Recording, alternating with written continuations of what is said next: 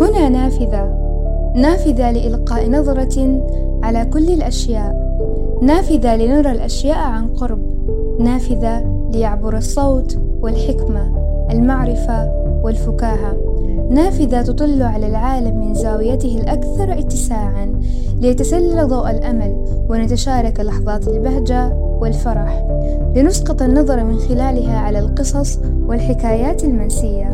الأدب والفن السينما والحياة المعرفة والعلم الرياضة والبهجة.